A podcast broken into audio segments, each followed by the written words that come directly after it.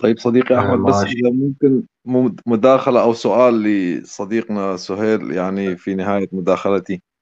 أه، صديقنا سهيل يعني تفضل. ما, ما نحب نرجع إلى التاريخ القديم. خلينا نتكلم في التاريخ المعاصر من فترة ما بعد الحرب العالمية الثانية. ونشاه حركات الإسلام السياسي المتمثلة بالإخوان. إلى اليوم. هاي قرابة السبعين عام. ماذا أفادت مجتمعاتها؟ أو ماذا أفادت تابعيها من المسلمين الذين هللوا لحركات الإسلام السياسي المتمثلة بالإخوان المسلمين في كل الدول العربية؟ وماذا أفاد المسعور التركي أردوغان شعبه من يوم توليه السلطة ورفع راية الإسلام إلى اليوم؟ كمواطن بسيط اقتنع بحبه للإسلام أو برغبته بحكم إسلامي ماذا استفاد؟ ونترك إيران جانبا نتكلم فقط عن الإخوان وأردوغان في صميم الحلقة. قبل أن تجيب يا صديقي يعني كملاحظة لبعض من يقول أن أوروبا هي من دعمت الإخوان ومراكز الإخوان هي في أوروبا. نعم أوروبا استخدمت الإخوان عذرا من الكلمة ككلاب للنباح على شعوبها. ولكن حينما بدأ هؤلاء الكلاب ينبحون داخل أوروبا فبدأت آه، النبرة أو طريقة التعامل معهم تختلف. وهذا ما نلاحظه اليوم في التجديدات الموجودة على وجودهم في أوروبا. ولكن يبقى السؤال ماذا قدموا لشعوبهم عندما خرجت حركة الإخوان من مصر ماذا استفادت مصر من وجود هذه الحركة؟ وماذا استفاد المواطن التركي البسيط من الإسلام السياسي المتمثل بأردوغان؟ هذا هو سؤالي وأترككم في سهرة سعيدة وبرامج رائعة جدا وشكرا لكم أصدقائي.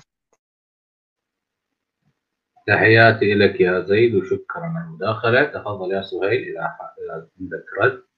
شكرا صديقي زيد. آه آه لا أعرف كيف نستطيع أن نتخلص من التاريخ في شعوب تقدس التاريخ. يعني المشكلة أنه تجد الغربي مثلا آه، فلنأخذ أنا أنطيكم مثال الأديب الأمريكي الكلاسيكي رالف والدو إمرسون يعني هذا نموذج أعطيك الفارق الثقافي. آه، طبعا الفرق بين الشرق والغرب هو فرق شاسع. يعني كالفرق بين الصاروخ والسحلية سرعة يعني سرعة الطرفين. آه، رالف والدو إمرسون يقول آه، أنه يسوع كان مقدس ويسوع كان معجزة. لكن لأنه أصبح ماضي فهو ليس معجزة بالنسبة لي. أنا أريد معجزة اليوم. هذا هذه هي الثقافة الغربية باختصار. يعني آه، أنا لا أقول أنه لا يوجد متدينون في الغرب لا يقدسون التاريخ. نعم هناك مقد... غربيون يقدسون التاريخ آه، أو بعض التاريخ. لكن تقديسهم لا يجعل من هذا التقديس سبب أن أن يعني يؤثر في النظام. السياسي الموجود. النظام السياسي مستقر الاقتصاد مستقر النظرية الاقتصادية مستقرة أنه الحرية الاقتصادية. ومن ضمن الحرية الاقتصادية تأتي حرية الفكر والتجارة والإنتاج والإبداع وكل شيء. يعني مفهوم الحرية هو الأساس مع بضعة قيود طبعا للحفاظ على حقوق الآخرين. لكن في الشرق المشكلة أننا لا نستطيع أن نلوم الإخوان دون أن نلوم الشعوب التي تتبع الإخوان. لأن إذا كان هذا الشعب وهذا المواطن همه الأكبر أن يكون هناك بطل فاتح آه غازي بيد سيف على الحكم. آه والله قوي حاكمنا قوي رائع. كيف تتوقع من هكذا شعب أن يفرق بين الإخوان أو السيسي أو حسني مبارك؟ طبعا لن يفرق. هذه ثقافة تقدس القوة وتقديسها للقوة هو الذي يجعلها الشعوب فاشلة. وطبعا لعلمك صديقي زيد حركة الإخوان سوف تس سوف تحتفل بعد بضعة سنوات. 2028 باحتفالها باليوبيل الذهبي للتأسيس. ستكون مئة عام على تأسيس هذه الحركة. وإذا درست تاريخ تأسيسها يعني أن, أن مثل ما يقول أحد المؤرخين نحن ندرس الماضي لكي نسيطر على الحاضر ونفهم الحاضر. فبدون العودة إلى التاريخ أنت لن تفهم ولن تعرف ولن نعرف ولن نفهم ما يحصل الآن. فما يحصل الآن هو لأن الماضي هو أشبه بالنهر.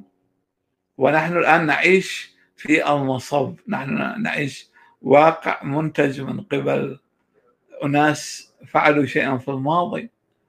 فأنت لن تستطيع أن تتخلى عن التاريخ. لذلك آه، في تحليل لحركة الإخوان. أنهم منذ تأسيسهم وإلى الآن آه، كما قلت أنهم ليسوا مشروع دولة. هم مشروع خلافة. يعني هم لا يؤمنون بالدولة المصرية مثلا. ليس عندهم أي إيمان بالدولة المصرية. ليس هناك شيء اسمه مواطن مصري. لا. وكما في العراق أيضا. لذا أنا شبهت أنا جئت إلى إيران لأن التشابه بين الإسلاميين يساعد على فهم الظاهرة. الفينومينا أنه الظاهرة تعيد إنتاج نفسها. أن هؤلاء يعني شوف مثلا كما أن البعثيين في العراق مثلا لم يؤمنوا بالعراق هم آمنوا بالأمة العربية. فالعراق كان قطر جزء آه إيران مثلا تفعل نفس ما يفعله الإخوان أنه يقولون نحن أمة إسلامية قبل أن نكون عراقيين أو إيرانيين. وأردوغان الآن يحاول أن تقريبا إلغاء الأمة التركية لكنه لا يستطيع إلغاء الأمة التركية لأن الشعب التركي لا زال مشرب بما آه، كان يعني يعني الثقافة التي أنتجها جيل أتاتورك ومن بعده أن هناك أمة تركية لها وطن لها لغة يجب أن يكون لها علاقات ولديها أقليات أيضا طبعا وفي هذا الموضوع جدال. أي كيف هل كانوا عادلين مع الأكراد؟ آه، آه، وأنا لا أحمل الجمهورية التركية طبعا. آه، مذبحة وإبادة أو الهولوكوست الأرمني. الهولوكوست الأرمني حصل في ظل الدولة العثمانية. هو شيء مختلف عن الجمهورية. فملاحظة أخيرة هنا أخي يعني صديقي زيد. أنه لكي نفهم الإخوان يجب أن نفهم هذه الشعوب. شكرا. شكرا على هذا الرد. راح ألبس عمامة أو عباءة المدافع مرة ثانية عن أردوغان وجماعته يعني حتى نوصل لأنه تعرف الموضوع كبير ومتشعب ولازم نناقش كل تقريبا اللي نقدر عليه من النقاط فيا ريت يكون صدرك رحب يا صديقي سهيل تستقبلنا أكيد أكيد. تفضل.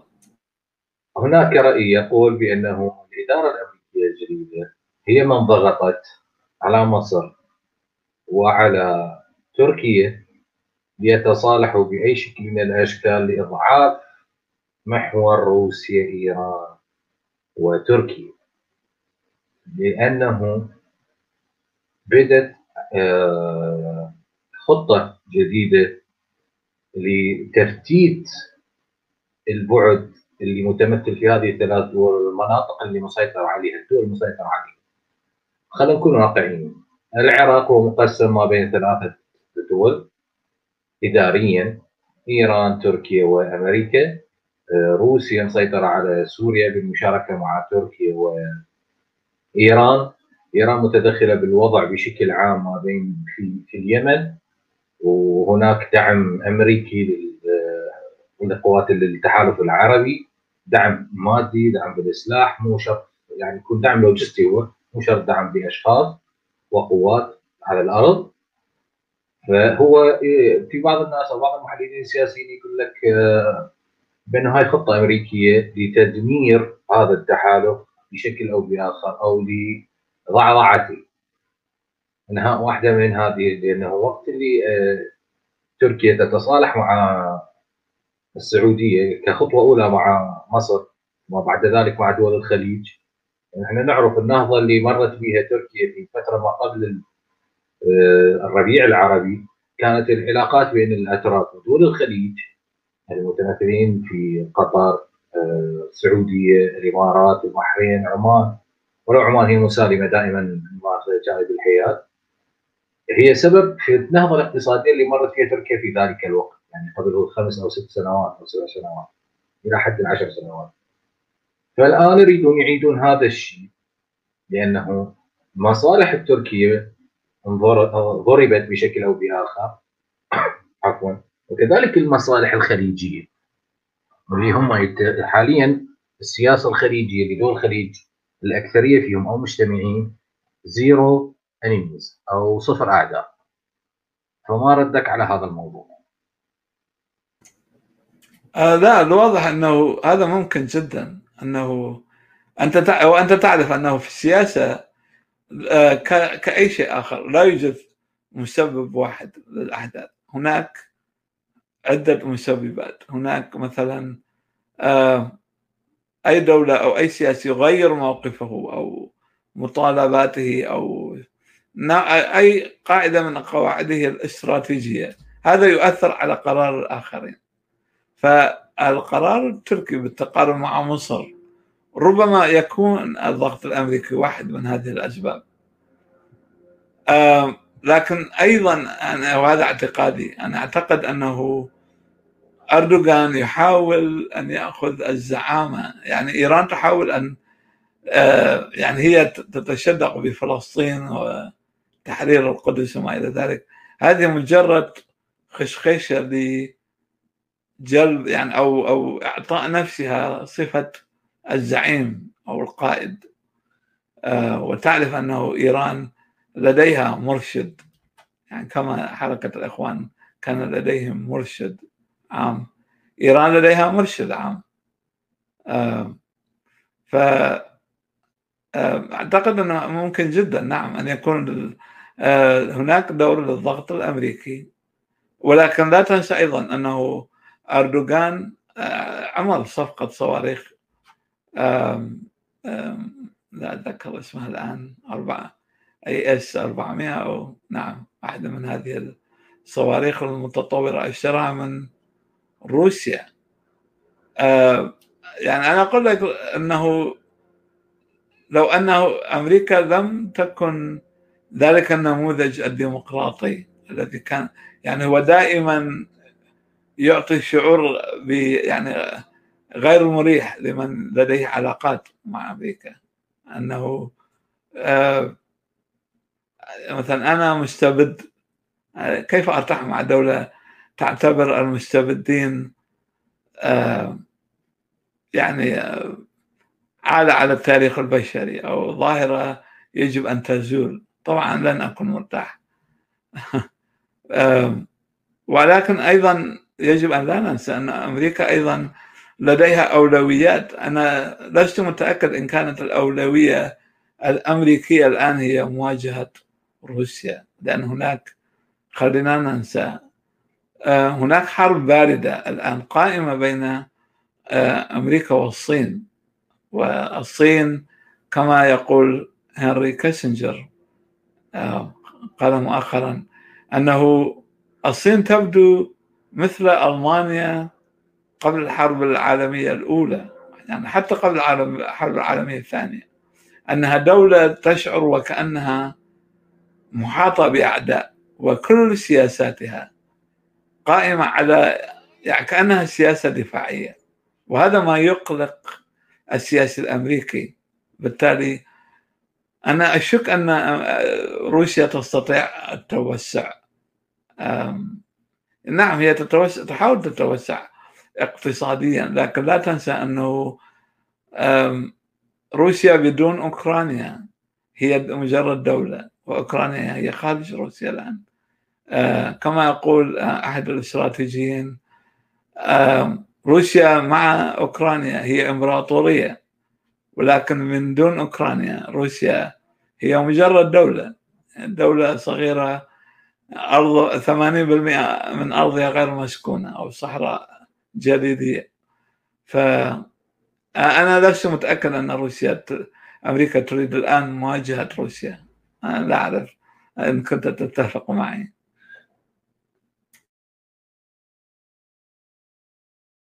أوكي. آه نلبس العبايه مرة ثانية بس هالمرة عن الأخوان. آه الناس هواية خصوصا يعني اللي يتابعون مثلا القنوات قنواتنا اللي إحنا دائما نظهر فيها مثلا على اليوتيوب يقول لك أنتم آه، كبشر أو كناس تدعمون الديمقراطيه وتريدون التحرر وكذا لماذا دائما تتكلمون عن الأخوان وهم لم يحكموا سوى سنة واحدة؟ ورئيسهم أتى بشكل ديمقراطي. انتخابات حرة وكان فيها مراقبين دوليين وكذا وكذا. فهذا اختيار الشعب المصري.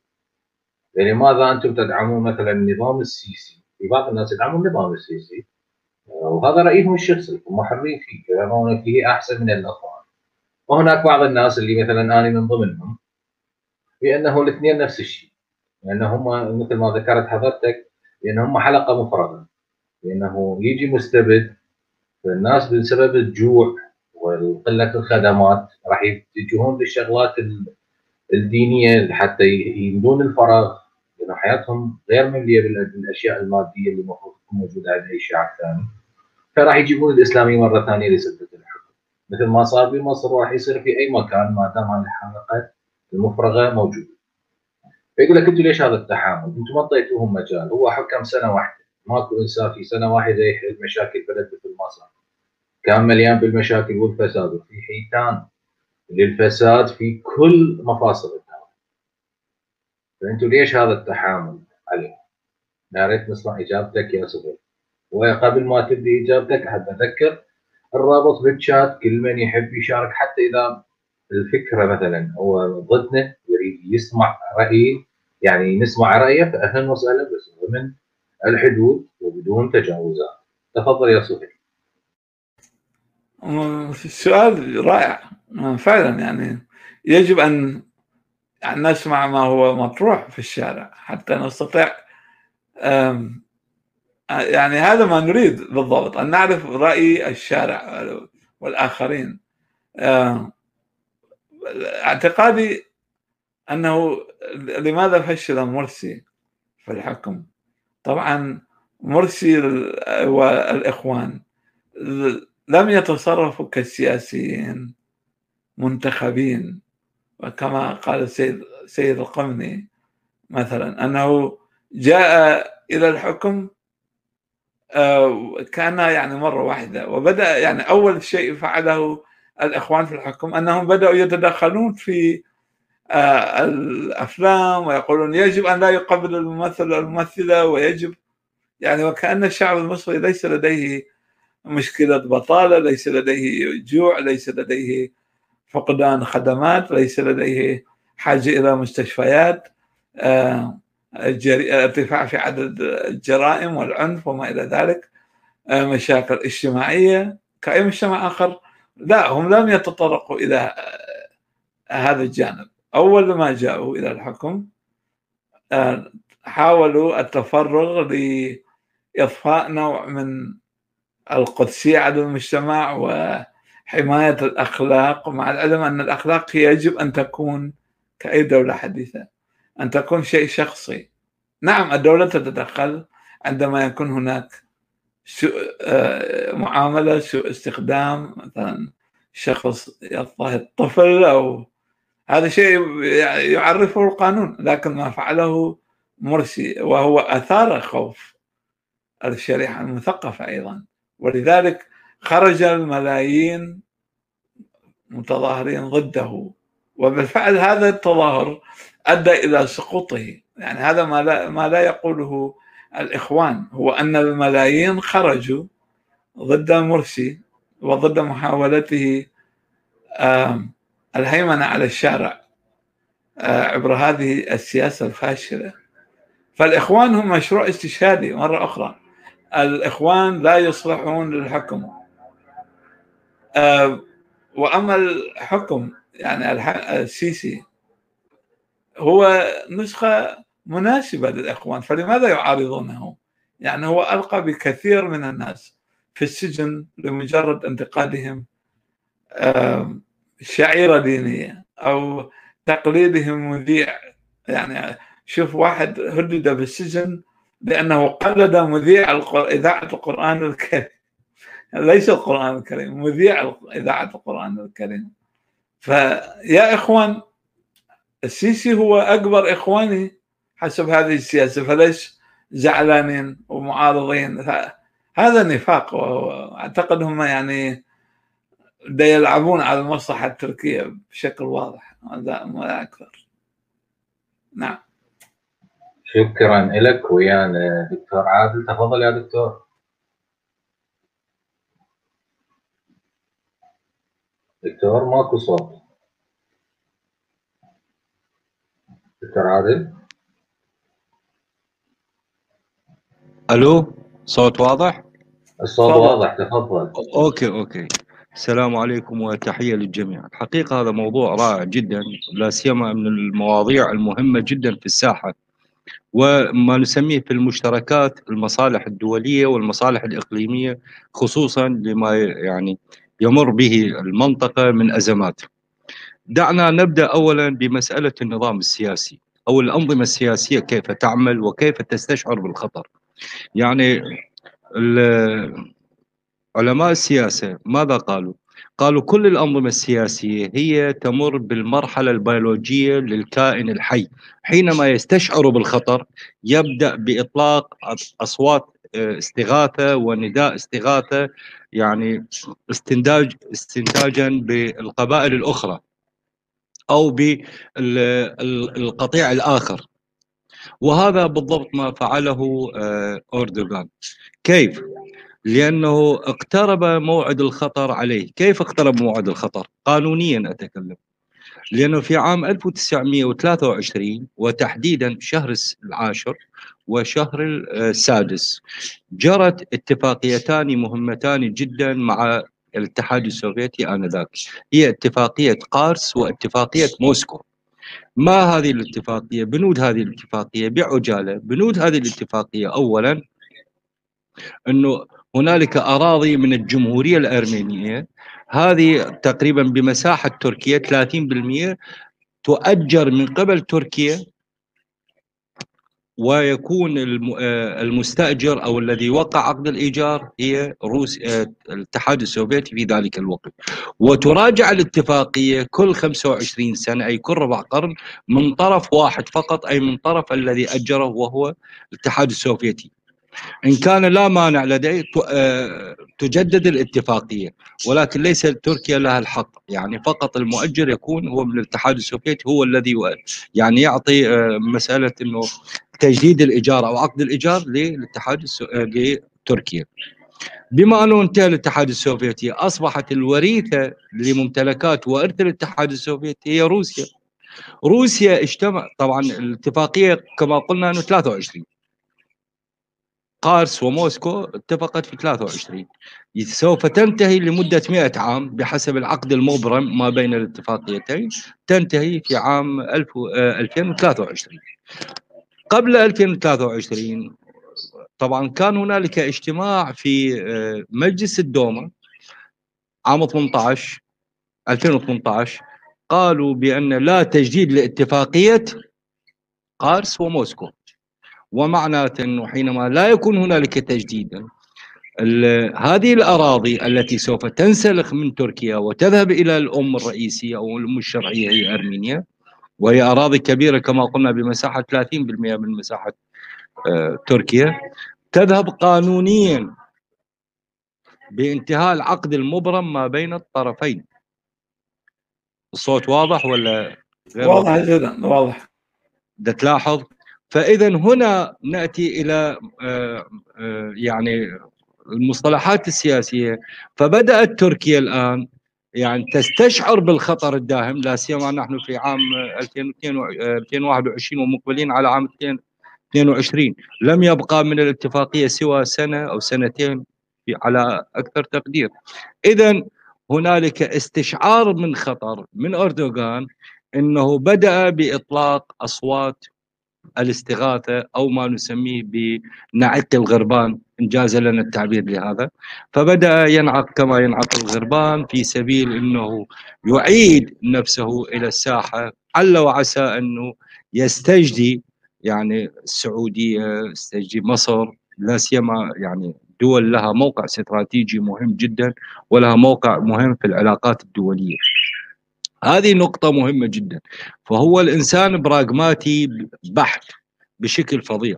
وهو طبعا حينما نتكلم أي بمعنى أنه لا يوجد لديه آه، ما نسميه بعقيدة حقيقية وإنما هي عقائده السياسية والعقيدة السياسية تتغير مع تغير المصالح. هذه نقطة.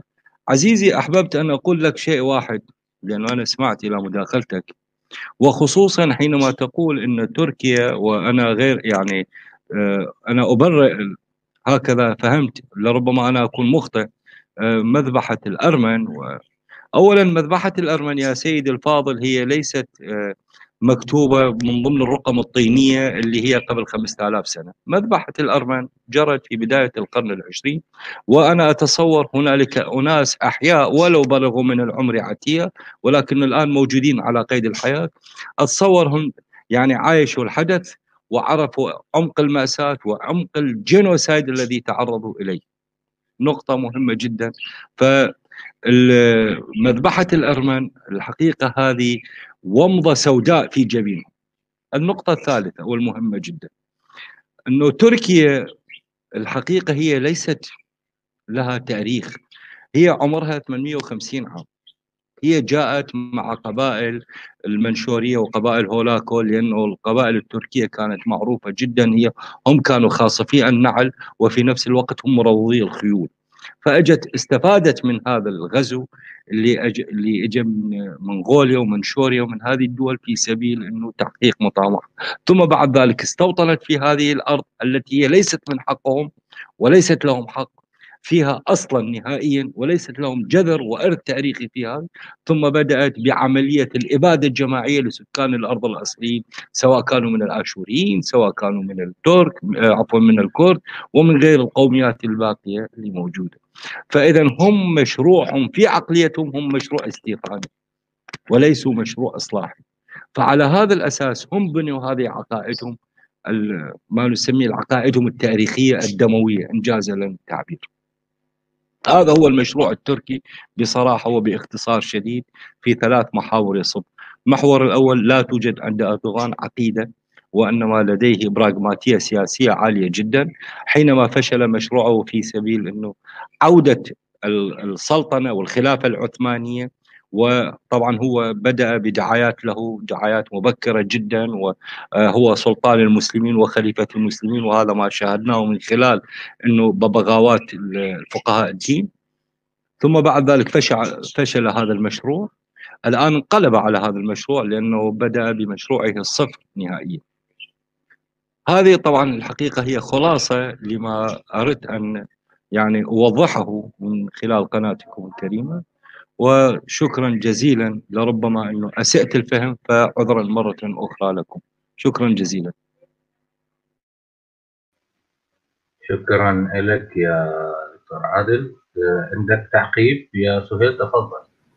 نعم. أنا اسف صارت عندي مشكلة تقنية وال الجهاز صار restart صديقي عادي ماكو مشكلة.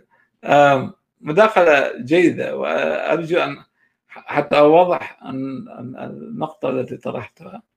أنا لم أنكر ال genocide أو الهولوكوست الأرمني. بالعكس آه، الهولوكوست الأرمني واحدة من المواضيع التي درستها بالتفصيل آه، وهي جريمة فظيعة يعني لا توصف آه، في فظاعتها وإجرامها. ولكن أيضا يجب أن نكون واقعيين وتاريخيين ودقيقين في أحكامنا.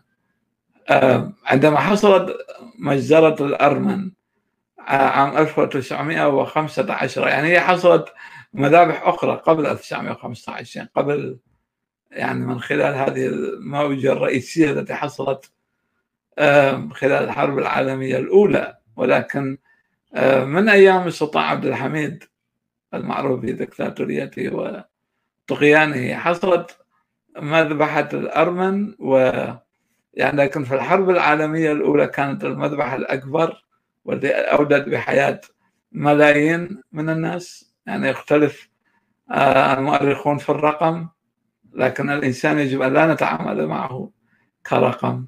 الإنسان هو إنسان. آه، ولذلك فهي مذبحة يجب أن لا ننساها أبدا. كلمة آه، الهولوكوست النازي مثلا نفس الشيء. آه، لكن عندما أقول الجمهورية التركية هي الجمهورية التركية صحيح هي كانت دولة قومية يعني شعارها كان قومي. هي هو تعرف أنه هو كان عصر الأيديولوجيا خصوصا الأيديولوجيا صراع في بداية القرن العشرين كان هناك صراع. بين الأيديولوجية القومية والأيديولوجية الشيوعية الأممية التي يمثلها الاتحاد السوفيتي. آه، ولذلك كان الاتحاد السوفيتي يسمي حتى الدول الديمقراطية ب fake democracies يعني بالإنجليزي نسميها fake democracies ديمقراطية ديمقراطيات البرجوازية المزيفة. وفي الحقيقة الشيوعية هي التي تبنت الدكتاتورية آه، باسم الشعب. وحتى لا أبعد عن الموضوع. فالجمهورية التركية كانت بين خيارين إما أن تصبح شيوعية وتنضم للاتحاد السوفيتي وهذا ما لم يرغب به قادة يعني الدولة الجديدة تركيا التي أقيمت آنذاك. وحتى أكون صريح معك نحن البشر نحن لسنا نباتات. ليس هناك إنسان أصلي من هذا الأرض أو إنسان غير أصلي يعود إلى تلك الأرض. ليس هناك شيء اسمه قومية كردية أو قومية تركية أو قومية. هذه كلها أيديولوجية كأي أيديولوجية أخرى. هي قائمة على الأسطورة والخرافة. يعني اذهب إلى أرض كردستان. أحفر في أي مدينة كرد كردية أو كردستانية إذا كنت تريد أن تسميها ستجد آثار آشورية مثلا. فلماذا أخذ الأكراد أرض الآشوريين؟ إذا هذه الهجرات والشعوب المهاجرة والغازي هذه ليست صفة. خليني أكمل. راح أخليك ترد. آه، دكتور عادل أوكي. آه، هذه الصفة أنه الشعب التركي جاء إلى المنطقة غازيا. هذه صفة كل الشعوب لا يوجد شعب غير مهاجر. الشعب الكردي أيضا إذا تدرس لغته وتاريخه هو أصله يعود إلى الحدود الإيرانية الأفغانية مثلا. لغته هي لغة فارسية آرية يعني تشبه اللغة الأفغانية اللغة آه، آه، لغة البشتو. اللغة الفارسية طبعا هي اللغة الرئيسية. وأنا وجدت حتى كلمات مطابقة في اللغة الإنجليزية والفرنسية والألمانية. توجد كلمات لأن هذه الشعوب في الأصل كانت شعوب أخرى. يعني الشعوب هي أصلا تشبه العوائل. عائلة يعني تجد مثلا شخص في عائلة لديه ابنان ولديه ابنتان. الابن يذهب ويتزوج. ويكون عائلة والبنت تذهب وتتزوج وتكون عائلة وهكذا وتجد هذه العائلة تصبح عوائل والعوائل تصبح قبائل وهكذا. الشعوب نفس الشيء. الشعب الكردي لم يكن له وجود حقيقي قبل العصر الحديث. يعني هذه كلها مسميات إنه هذا شعب كردي وهذا شعب تركي وهذا لا يوجد هذا الشيء. يعني الكردية هي لغة. آه، وهي للأسف لغة في طريقها إلى الانقراض لأن الأكراد للأسف حتى في تجربتهم السياسية لم يستطيعوا أن يفيدوا لغتهم ويطوروا لغتهم. وأنا أعرف اللغة الكردية لأن أنا آه، كردي آه، لكن أنا أنا لا أؤمن بالقومية. أنا أعتقد أن القومية حاله حال الشيوعية هي مجرد خرافة لا أكثر. آه، ثالثا أردوغان كونه براغماتي. هذا هذه صفة كل غالبية السياسيين خصوصا عندما تأتي إلى السياسة الخارجية. البراغماتية أساس لكل السياسات. لكن فقط ملاحظة أخيرة. الدول الوحيدة التي لا تقاتل بعضها وتعيش بسلام مع بعضها البعض وتحل مشاكلها بسلام هي الدول الديمقراطية. والديمقراطية لا يعني ديمقراطية مثل كوريا الشمالية يعني بالاسم. لا ديمقراطية فعل وثقافة. نعم هي واحدة النموذج الناجح والأخير. شكرا. أه، تفضل ودت تتداخل قبل شوية دكتور عادل نعم العزيز. الحقيقة أول شيء تحية مرة لكم مرة أخرى. للأسف الشديد الأخ بدأ في مغالطات تاريخية كبيرة جدا حينما أنه قال الكرد ليس لهم جذور تاريخية أصيلة في هذه المنطقة وعاد إلى مسألة الإرث وهو الإرث الآشوري. ونعرف جيدا أن هذه الصراعات التي بدأت قبل الميلاد بحوالي 600 عام يعني 612 سنة قبل الميلاد هذه معروفة جدا أما أنه ليس لهم جذور تاريخية هذه مغالطة ما من بعدها مغالطة الحقيقة. وهذا إن نم على شيء عذرا لأن أنا أهاجم الفكر ولا أهاجم شخصك يا عزيزي. فهذه طبعا الحقيقة هي نسميها بمغالطة الأحقاد التاريخية عندنا في علم المنطق. فهنا يبدأ مباشرة يستذكر بأنه هذه الأرض ليست أرضكم لا بالعكس عزيزي. الأرض لنا وجود تاريخي أصيل فيها ولدينا وجود وبقايا ولدينا رقيمات في لغتنا الحقيقية ومكتوبة وأنا أستطيع أن أعطيك إياها جملة وتفصيلا. هذه نقطة مهمة جدا. النقطة الثانية والتي تعكست عليها بأن اللغة الكردية لا وجود لها وإنما لغة فارسية وهذه أيضا مغالطة حقيقة مغالطة تاريخية كبرى جدا. اللغة الفارسية تختلف من حيث جذورها عن اللغة الكردية. لا سيما هنالك قواسم مشتركة فيما بينهم لكن لفظا ونطقا ومخارج حروف تختلف نهائيا عن هذه اللغة.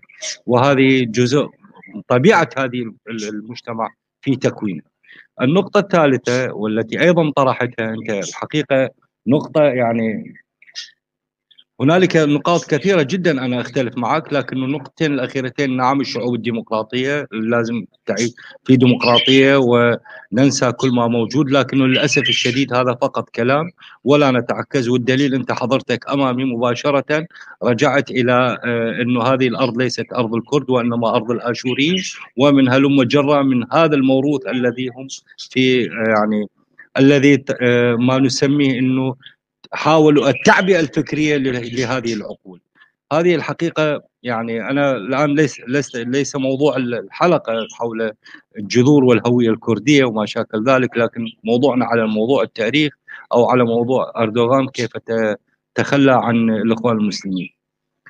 يعني هذا نخصص له حلقات فيما أخرى حتى أبين لك مدى إنه المغالطات التاريخية اللي أنت حضرتك واقع فيها مع الأسف الشديد. نرجع إلى الإخوان. أفضل طريقة أفضل شيء هذا. لأنه مشروع لأنه أنا حينما قلت انه هم غزاة هم لأنه 850 عام. يعني هذه العملية ليست قبل الميلاد. تاريخهم قريب جدا وليس تاريخ بعيد جدا حتى يكون هنالك مسألة فيها شك ومسألة فيها قراءات أخرى. القراءات اجتمعت أنه 850 أتوا عام 1800 عام 1258 حينما سقطت بغداد دخلوا فيها. ثم هذه القبائل أتت أنت 1800 1258 سقوط بغداد فكل القبائل حينما أجت استوطنت. يعني تاريخهم قريب وليس تاريخ بعيد حتى يكون هنالك مثار للجدل والشك والأخذ والرأي بالآخر. هذه المشكلة. أما يا عزيزي إنه الكرد هم بناة الأرض وهم أصل الأرض وهم جذور الأرض. هنالك قراءات ثابتة حقيقية لكنه للأسف الشديد أنا أتفق معك الكرد هم ضيعوا جذورهم وضيعوا هويتهم وضيعوا لغتهم بسبب انشقاقاتهم. شكرا جزيلا وآسف لربما إنه تجاوزت لكنه أنا أعتذر. شكرا جزيلا. شكرا لك يا دكتور عادل. آه، سهيل إذا عندك مع تعقيب أو رد. نعم نعم. لا لا أنا شوف أنا لم أقل أن الشعب الكردي لا يستحق العيش في هذه الأرض. لكن أنا أقول أنه لو عدنا للتاريخ سوف ننتهي ما يعني كحال أوروبا في النصف الأول من القرن العشرين. يعني نحن نعرف ماذا صار في أوروبا في النصف الأول من القرن العشرين. في النصف الأول من القرن العشرين مات أكثر من 100 مليون إنسان في حربين عالميتين ما عدا الجرحى والدمار والمعاناة التي خلفتها الحرب يعني. شخصيا واجتماعيا. فأنا لا أنكر أن الشعب الكردي له الحق أن يعيش كأي شعب آخر لكن أنا ضد هذه النظرية القومية. يعني أنا أعتقد أن القومية هي مرض حاله حال الإسلامية. هي أحيانا تكون أسوأ. آه، لأن رأينا مثلا هتلر كان يأتي باليهودي مثلا. اليهودي الألماني الذي كان يدرس اللغة الألمانية ويعرف اللغة الألمانية وينشر باللغة الألمانية ويخدم الدولة الألمانية. ومع ذلك ومع ذلك قال له لا أنت أصلك يهودي يجب أن نقضي عليك. القومية نهايتها هي الدمار ولهذا تركيا قضت على مليوني أو أكثر من مليوني أرمني لأنها لم تعاملهم كمواطنين يعني شوف نتيجة هذه وطبعا للمعلومة التاريخية. الأكراد أو الكرد إذا ردت أن تسميهم. الأكراد أيضا كان لهم يد طولة في مذبحة الأرمن. يعني سواء خدعوا بالخطاب التركي الديني أم لا هذا موضوع آخر. لكنهم كان لهم يد ومشاركة في إبادة الأرمن. الشعب الأرمني الموجود في تركيا الذي كان موجود في تركيا الحالية. أبيد آه وأنا أسأل آه الدكتور عادل آه واحترامي له له الحق أن يعترض في كردستان العراق. هل يستطيع المسيحي أن يتزوج كردية مسلمة وبالقانون؟ لا يستطيع. إذا لا تحدثني عن دولة مواطنة وأن الأتراك ظالمين. هي أنت قوانينك هي نفس قوانين أردوغان وأنت محكوم من أردوغان و يعني آسف أن أقول لك أن القومية الكردية أصلا أقدم كتاب في القواعد قواعد اللغة الكردية يعود إلى 800 سنة مضت. يعني في نفس الفترة التي جاء فيها الأتراك إلى المنطقة. فالأكراد الكرد هم قبائل مهاجرة كالأتراك لا فرق بين الطرفين. يعني الأتراك جاءوا من أواسط آسيا الأكراد جاءوا من آه، أواسط إيران وأفغانستان وهذه المنطقة. وأنا لذلك تفاجأت أنني آه، استطعت التفاهم مع إخوة أفغان هنا يعني مواطنين أمريكيين أفغانيين. تكلمت معهم وبدت لغتهم كأنها اللغة الكردية آه، فأختم هذه هذا الرد بالقول أنه موضوع أن الكرد لهم جذور آه، الأكراد كأي شعب ليسوا نباتات. الإنسان يرحل من مكان إلى مكان وهذا شيء لا يستطيع أحد أن ينكره. تاريخيا. والدي ان اي أن أعمل فحص لأي مواطن تجد أن له أجداد منتشرين في أكثر من قارة وقارتين نعم غالبا. شكرا. شكرا لك يا سهيل. ومعنا الأستاذ طلال راوندي اللي راح يكون آخر متداخل. وبعد الكلمة الختاميه من سهيل وننهي تفضل يا أستاذ طلال. تحياتي أخ سهيل آه، مداخلة رائعة جدا. أخ أحمد احتراماتي ومحبتي. يعني بالعكس أنت حللت الموضوع بواقعية آه، بمعلومات قيمة بأكاديمية رائعة ما في شك في ذلك. أضيف صوتي لصوتك بثلاث نقاط. النقطة الأولى يعني أردوغان أو نظام الأردوغاني إذا بتحب لا يقوم على شيء اسمه حقوق لا يقوم على شيء اسمه حضارة. لا يقوم على شيء تفهم العالم. يقوم على نرجع للتاريخ نستمد منه العنصرية نستمد منه القوة ولعلنا نعيد هذه القوة. وأكبر شاهد الانقلاب اللي صار من كم سنة يعني راح ضحيته عشرة آلاف في السجن. يعني هذا بيعطيك الصراع الداخلي. قديش هناك صراع داخلي بهالنظام اللي يظن أنه سيقود العالم مرة أخرى. أنا سمعت هذا من الأتراك فأنا أوافقك 100% وهذا النظام سينتهي عدلا اجلا. لا يختلف كثير عن الدكتاتوريه الأخرى إلا بقناعين قناع المساعدة وقناع الإنسانية. اللي بيرجينا تعاطف يحمل طفلة ويقبلها ويقول سأساعد وكذا. والقناع الآخر اللي هو إنه أنا مصلحتي ومصلحتي يعني سلطتي فوق كل شيء. فهذا أمر مختوم وسنرى وسنرى تماما في السنوات القادمة يعني أردوغان نظام أردوغان سيزول سواء شاءه أم أبى يعني لا يتحدى التاريخ. نرجع كمان النقطة الثانية موضوع الإخوان لماذا فشل الإخوان؟ أنا آه، الأخ اللي عمول نتعاطف معه ديمقراطيا. أكيد أن آه، آه، انتخبوا ديمقراطيين ومعظم الشعب انتخبهم. الشعب كان عنده أمل بأنه الإخوان سيحقق لهم أهداف سيقوم بأشياء كثيرة سيفي بالمواعيد يعني الديمقراطية تبع الإخوان لا تختلف كثير عن ديمقراطية الشعب الألماني. 80% طالع هتلر اللي خرب العالم. ولا يختلف كثيرا عن ستالين يعني لا تختلف. طبعا ستالين ما عنده ديمقراطية آسف عن موسوليني لا يختلف عن كثير من الدكتاتوريين. فهي لازم نميز بيناتهم. الشعب سلم ولكن الوعود لم تحقق. الإخوان آه، آه، ظنوا يعني عندهم ثلاث مشاكل أساسية، أول شيء ما تعلموا من التاريخ. بعد إعداد 90 سنة فشلوا فشلا ذريعا، هذا أكبر فشل كان لهم، يعني في أيام معدودة معظم آه، زعماء الإخوان ما المرشد العام وضعوا في السجون وأقول أنهم يعني للأسف على الكلمة يتعفنوا في السجون ولن تقوم لهم قائمة. والإخوان آه، تحولوا إنه حاولوا الفكرة الأساسية الإخوان خلينا نجمل الدين لساته عنا قاعدة هو الدين وأعدوا لهم هي مهمة جدا. عندنا نحن آه، آه، آه، قاعدة إسلامية ركيزة. عندنا نحن كلام الله. عندنا كلام أفضل المرسلين. عندنا كلام القرآن. ولكن دعونا نجمل ما أمكن نصل إلى السدة العليا. شيء من الديمقراطية على شيء من التحرر الأحزاب على شيء من من حرية الكلمة. بس هذا للأسف كان مخدر مؤقت. برهنوا عليه. وجودهم في الحكم 11 شهر وشوي.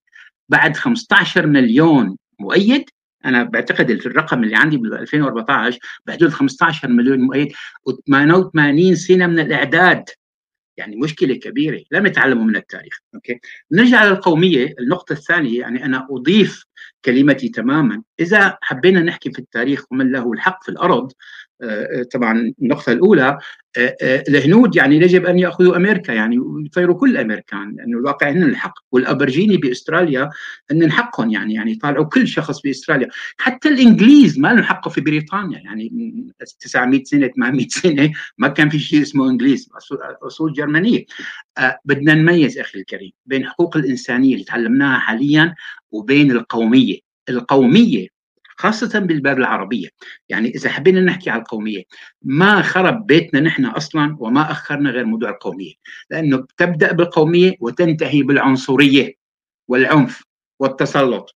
هي هي نحن شفناها على 17 مرة تكررت إحياء العقيدة الإسلامية. 18 مرة بالضبط أنا ذكرتهم في الكتاب.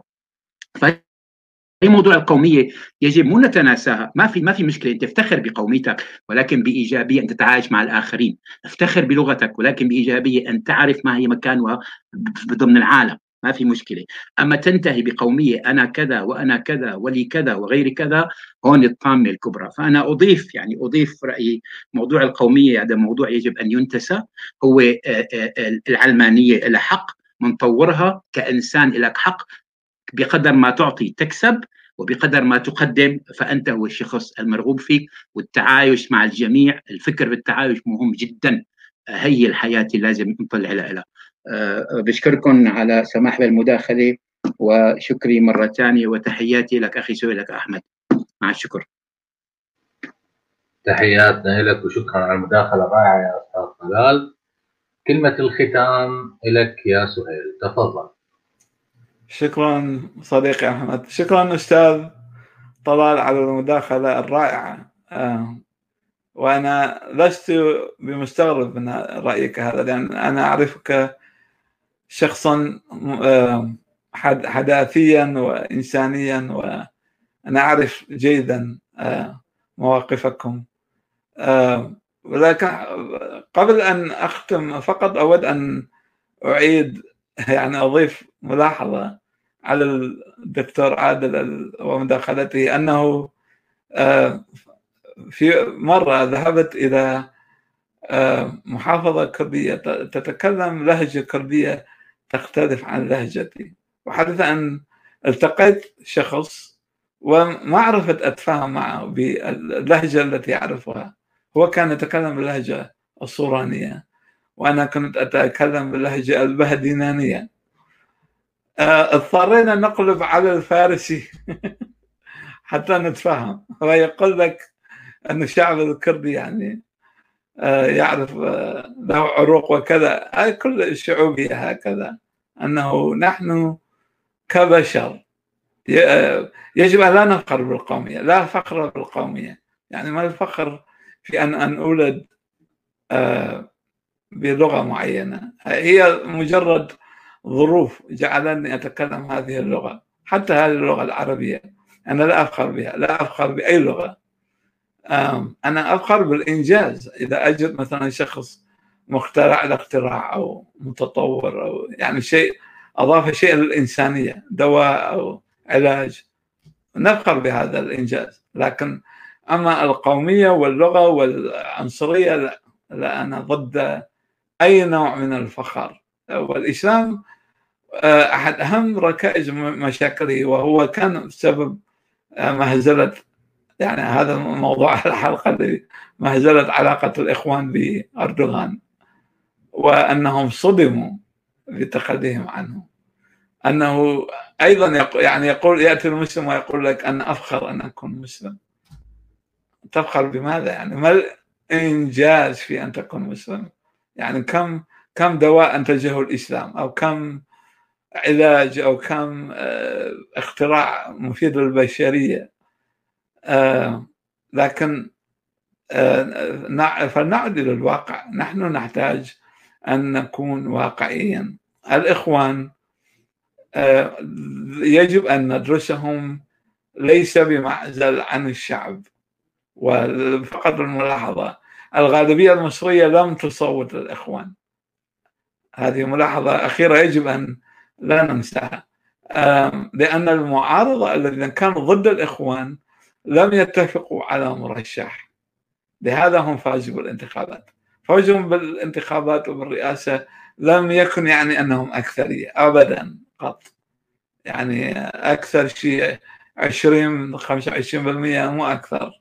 الباقي من المصوتين اختلفوا على المرشحين. ولهذا الإخوان لحد الآن كثيرون يظنون أنهم فازوا كأغلبية. هم لم يكونوا أغلبية أبدا. وهتلر أيضا لم لم يكن أغلبية. وإنما ظن الناس أن الأغلبية معه بعد أن سيطر وهيمن على الاستفتاءات والانتخابات الشكلية التي كان يقوم بها. نعم هذه كانت الملاحظة الأخيرة أنه طالما أننا لا نفهم هذه الشعوب لن نتطور. نعم أخي حسين ودقيقة فقط لو سمحت لي أخ أحمد. آه، ما قدموا يعني أنت ذكرت كلمه رائعة. آه، آه، المشروع كان جهادي. المشروع كان إرضاء. سلطة علوية سماوية. المشروع كان الجنة ولم يكن الإنسان. فلذلك سيفشل كل من يتبع هذا هذا المشروع. في نقطة أنا بحب ما أعطي أعطيها حقها بالكامل.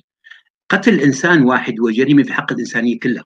يعني حينما تتكلم عن المجزرة الأرمينية وقتل الشعوب حتى يعني حينما يعني مجازر هي ليست مجزرة. 52 مليون روحت الحرب العالميه الثانية. ال Chinese famine معظم الناس ما بيعرف ما بيسمعوا عنها أو سمعوا عنها يقال 48 مليون 52 مليون روحت. مشان ماو تسي تونغ يدفع آه، باعتقادي بعلمي طبعا التاريخ إذا صدق حتى يدفع ديونه للاتحاد السوفيتي. يعني يقال بين 48 52 ال Chinese famine اقرأوا عنها بتسمعوا عنها فأنا لا يعني يعني شخصيا مو بس أنكر مو أتعاطف هذا حق. يعني قتل شخص إنسان أرمني كردي سوري عربي يهودي من يكن فليكن هذا إجرام في حق الإنسانية. بس لا نشحد على القومية لحتى ننتقم من هذا الأمر. نشحد على الإنسانية تمام نشحد على العقل تمام نشحد على التضامن الإنساني على على الحضارة الإنسانية تمام. أما لا نشحد على القوميه وعلى اللغة وعلى الدين لحتى ننتقم بهذا الأمر. وإذا حبينا خلينا أول من اللي تاريخ الإسلام طبعا ما يستطيعون ينكرون آه، مذبحة بني قريظة. قيل بين 800 900 شخص يا جماعة اقرأوا التاريخ لو سمحتم اقرأوا التاريخ. يعني طبعا موضوع الأرمن آه، هناك آه، أنا أنا أؤيد 100% أنه ناس ناس ذبحت يعني أبرياء كثيرة راحت وفقدت وهذا أكبر إجرام تخص السلطة التركية بهذاك الوقت. وإنما قد يكون في الموضوع أخذ وعطاء وقد يكون في أرض قد يكون في تحدي. أما 800 شخص 900 شخص تعدمهم بيوم واحد فقط على آه، نبت شعر العاني والحكم اللي أنزلته بشخص اسمه سعد على على على بغله راح لهنيك وقال هذا حكم الله. ويعني في يوم واحد هي مجزرة هي مجزرة هي مجزرة. يعني وتقول لي بأنهم خانوا. طيب خانوا وين المحكمة؟ والخانوا أنت تأخذ الخونه أربعة خمسة القوات تحاكمهم تعدمهم تسجنهم بتعاقبهم أما 800 شخص في يوم وبعدين النساء والأطفال والأملاك وتعطي دعم الإله في ذلك ودعم جبرائيل عليهم. ويجب أن نصلي العصر هناك. هي المجزرة اللي يجب أن نفكر فيها ونعتبرها نعتبرها ونأخذ منها دروس وعبر أن هذا الشخص اللي ادعى أنه رحمة العالمين في عندي أنا 60 استفهام عليها و100 خط 100 خط تحت إنه عادل في امره وفي احكامه لا ينطق عن الهوى. هي المجزرة اللي لازم نحكي فيها بعدين ننطلق على المجزرة الأخرى. أنا انتهيت واقول لكم ألف شكر. بالسماح لي بالمداخله شكرا أخي سهيل أخي أحمد.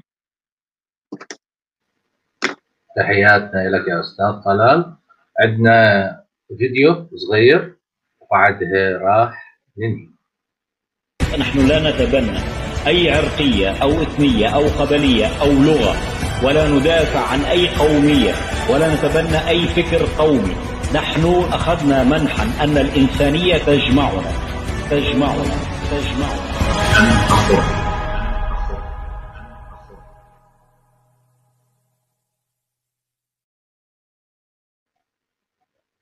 شكرا لكل الأصدقاء اللي تابعونا وانتظرونا الأسبوع القادم وحلقة أخرى مع سهيل بكم ليلة سعيدة وإلى اللقاء.